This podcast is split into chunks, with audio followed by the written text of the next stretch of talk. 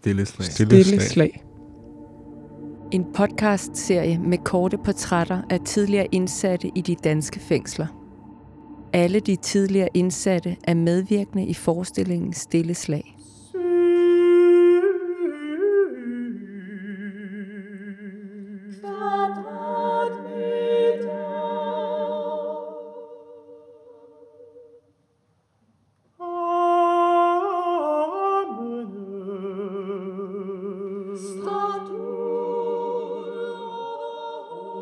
Mit navn er Habib, og jeg er 50 år gammel nu, og arbejder pt. på et bosted for anbragte børn øh, og unge. Øh, altså, jeg har levet et helt fantastisk liv som kriminel, det må jeg sige. Altså, jeg har haft en masse penge og haft mulighed for at opleve en masse ting, og har ikke rigtig været det store... Øh, jeg hader vold, ikke? Afskyr vold i alle dets former, altså. Også når politiet bruger det, ikke? Så, så jeg har, jeg har formået at holde mig fri af alt det. Og derfor har det bare været et spørgsmål om at tjene penge, og det har været ret nemt i en lang periode. Og det har gjort, at jeg kunne rejse og opleve alle mulige ting, og det, jeg synes, det har været et, øh, et fedt liv.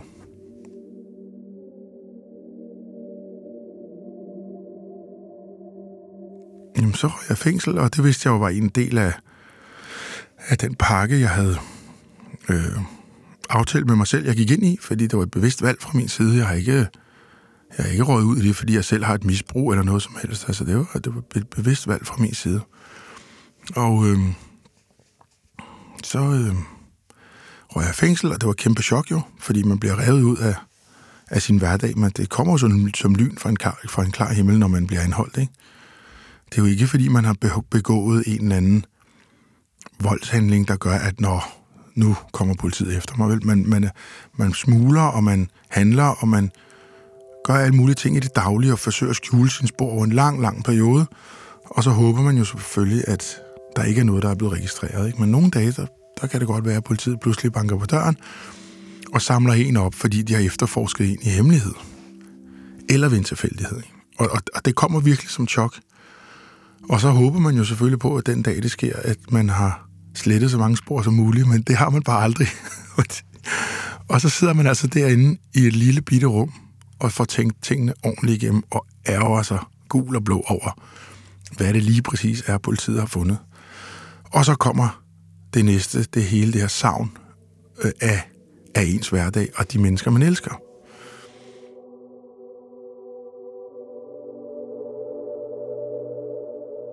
Jamen, jeg er en øh, primært familiefar, i og med, at jeg har to dejlige børn. Øh, og så forsøger jeg stadig at få en eller anden form for struktur på min, på min hverdag og mit liv, der gør, at, øh, at jeg kan sige, at jeg er lykkelig. Og det øh, handler jo meget om at faktisk... Øh, øh, at undgå kriminalitet, for jeg har ikke lyst til at ryge i fængsel igen. Og det kæmper jeg nok stadig lidt med, fordi jeg stadig den dag i dag ikke rigtig føler, at det, jeg er blevet dømt for, er særlig slemt. Det er igen noget politisk, fordi det er jo primært, øh, det drejer sig om, om handel med hash. Og jeg har stadig en eller anden mærkelig øh, overbevisning om, at det burde blive legaliseret. Og i hvert fald øh, slet ikke øh, burde man ikke bliver dømt så hårdt øh, for det, som man bliver nu om dagen. Fordi jeg ikke synes, at øh, det er så slem en handling. Og det kæmper jeg stadig med, fordi jeg synes, at øh, det kan blive lidt fristende nogle gange, når man er økonomisk hårdt spændt for, og lige øh, falde tilbage på at, at handle med hash. Og det mit nuværende arbejde har hjulpet mig til at få en stabil økonomi, men jeg skylder jo stadig forfærdelig mange penge til det offentlige for, øh, for sagsomkostninger og alt muligt andet, jeg ikke har kunne øh, betale i den tid der. Og der løber nogle renter på, der gør, at jeg øh, bliver, der er det, der hedder løninddragelse. Så, så, så den der økonomiske stabilitet er svær at opnå øh, med min, øh, med, i min nuværende situation. Øh, og øh, det, det, er, det, er en, det, er en, det er en daglig kamp.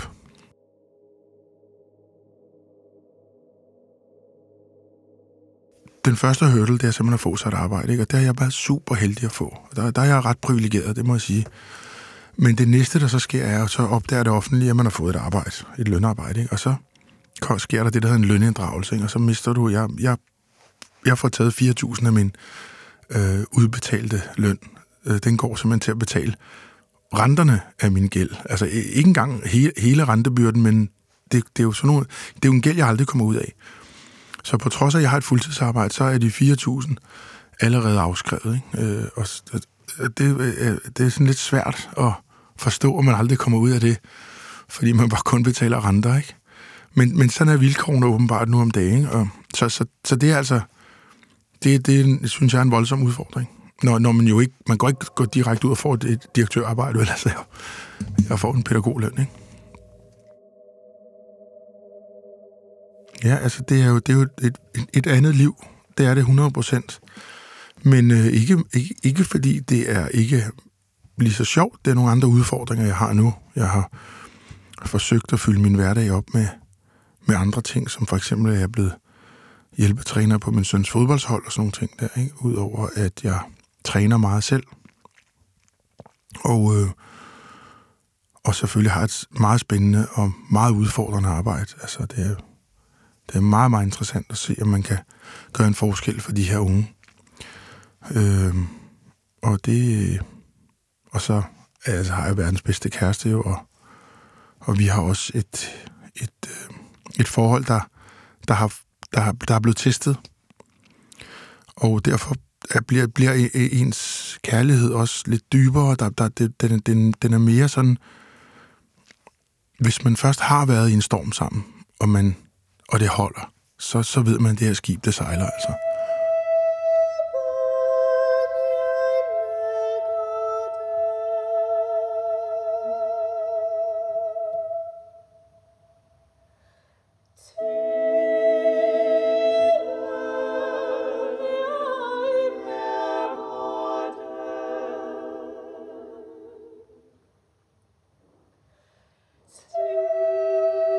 Altså, den første gang, jeg fik en, en længere dom, der valgte jeg jo ikke at fortælle min datter om det.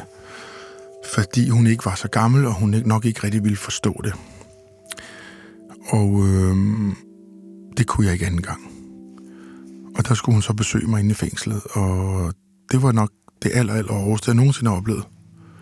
Og det er noget, jeg stadig sådan kan få lidt... Øh, jeg kan få godt få en grødet stemme af det, hvis det er. Så må jeg lige undskylde. Men den dag, hun besøgte mig første gang inde i Vestre Fængsel, var, øh, der var jeg har aldrig været så nervøs før. Og øh, det, der skete, var jo, at hun...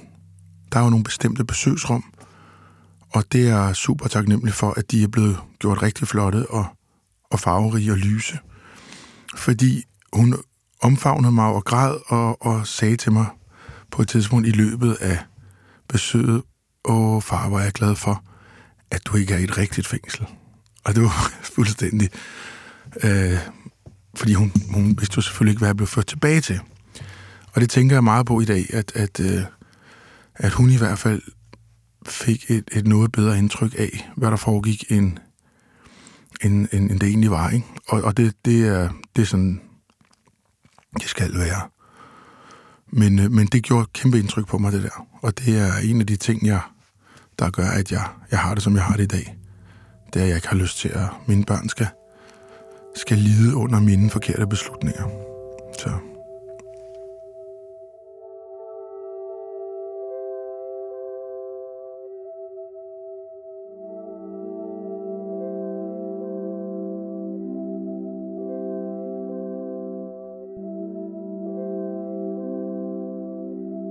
Altså, de, altså, jeg var tre måneder i isolation øh, for mange år siden. Og der blev det en super struktureret hverdag. Øh, og det, det var, fordi jeg selv strukturerede den jo. Altså, jeg havde øh, regler for nærmest alt til sidst. Øh, så det nærmest var på minuttet. Og jeg tillod mig endda at ryge en cigaret, selvom jeg ikke ryger normalt, men det gjorde jeg præcis kl. 9. Jeg, jeg reagerede på den måde, at jeg fik brug for den der struktur, hvor jeg fyldte så meget på som overhovedet muligt i løbet af en dag. Ned, helt ned til armbøjninger og rengøring og alt al, al mulige mærkelige ting, man kan finde på inde i den der lille bitte celle. Og det gjorde for mig, at jeg følte, at tiden gik hurtigere faktisk. Jeg følte, at øh, der var noget, der skulle gøres, noget, der skulle ske. Og så var der ikke lige så meget øh, plads til øh, tanker, tror jeg, i virkeligheden. Fordi øh,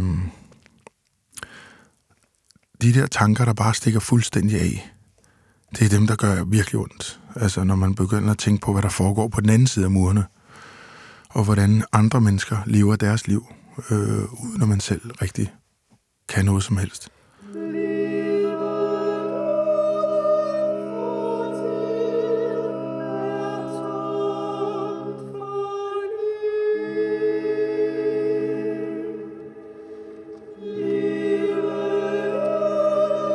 Men så har jeg meldt mig til koret, fordi det har... Det, det, når man, det skal lige siges, når man er i, i de der bitte små rum, ikke, og det er så mørkt og gråt, ikke? Altså, der er jo, altså, så, så at komme op og blive ført ud af rummet, og blive ført op i Vestrefængsels kirke, som er moderniseret og helt lys. Og der falder lys ind af de der kæmpe vinduer med nogle reliefer i og sådan noget. Der, ikke? Det, det, det er en helt anden oplevelse. Og øh, det er da vigtigt for mig i hvert fald øh, at, at få den der change of scenery der, ikke? At man, og også change of people around you, altså at, og at der lige pludselig er en fængselspræst og en organist, i stedet for betjente med nøgler, ikke? Og det har jeg virkelig nyt. Altså, jeg har virkelig nyt at synge, og det har også været sjovt. Altså, vi, vi, har, jo, vi har jo kunne pjatte, fordi man blev helt euforisk af at komme ud af cellen. Og jeg har nogle virkelig gode minder omkring, øh, hvordan vi har sunget og, og, og fjollet rundt op i den kirke der. Og, øhm, og så var der nogle gange kage. Det var helt fantastisk. Ja, præsten havde fået kage med fra lavkagehuset, noget de alligevel ville have smidt ud, og så fik han lov til at tage det med ind i fængslet.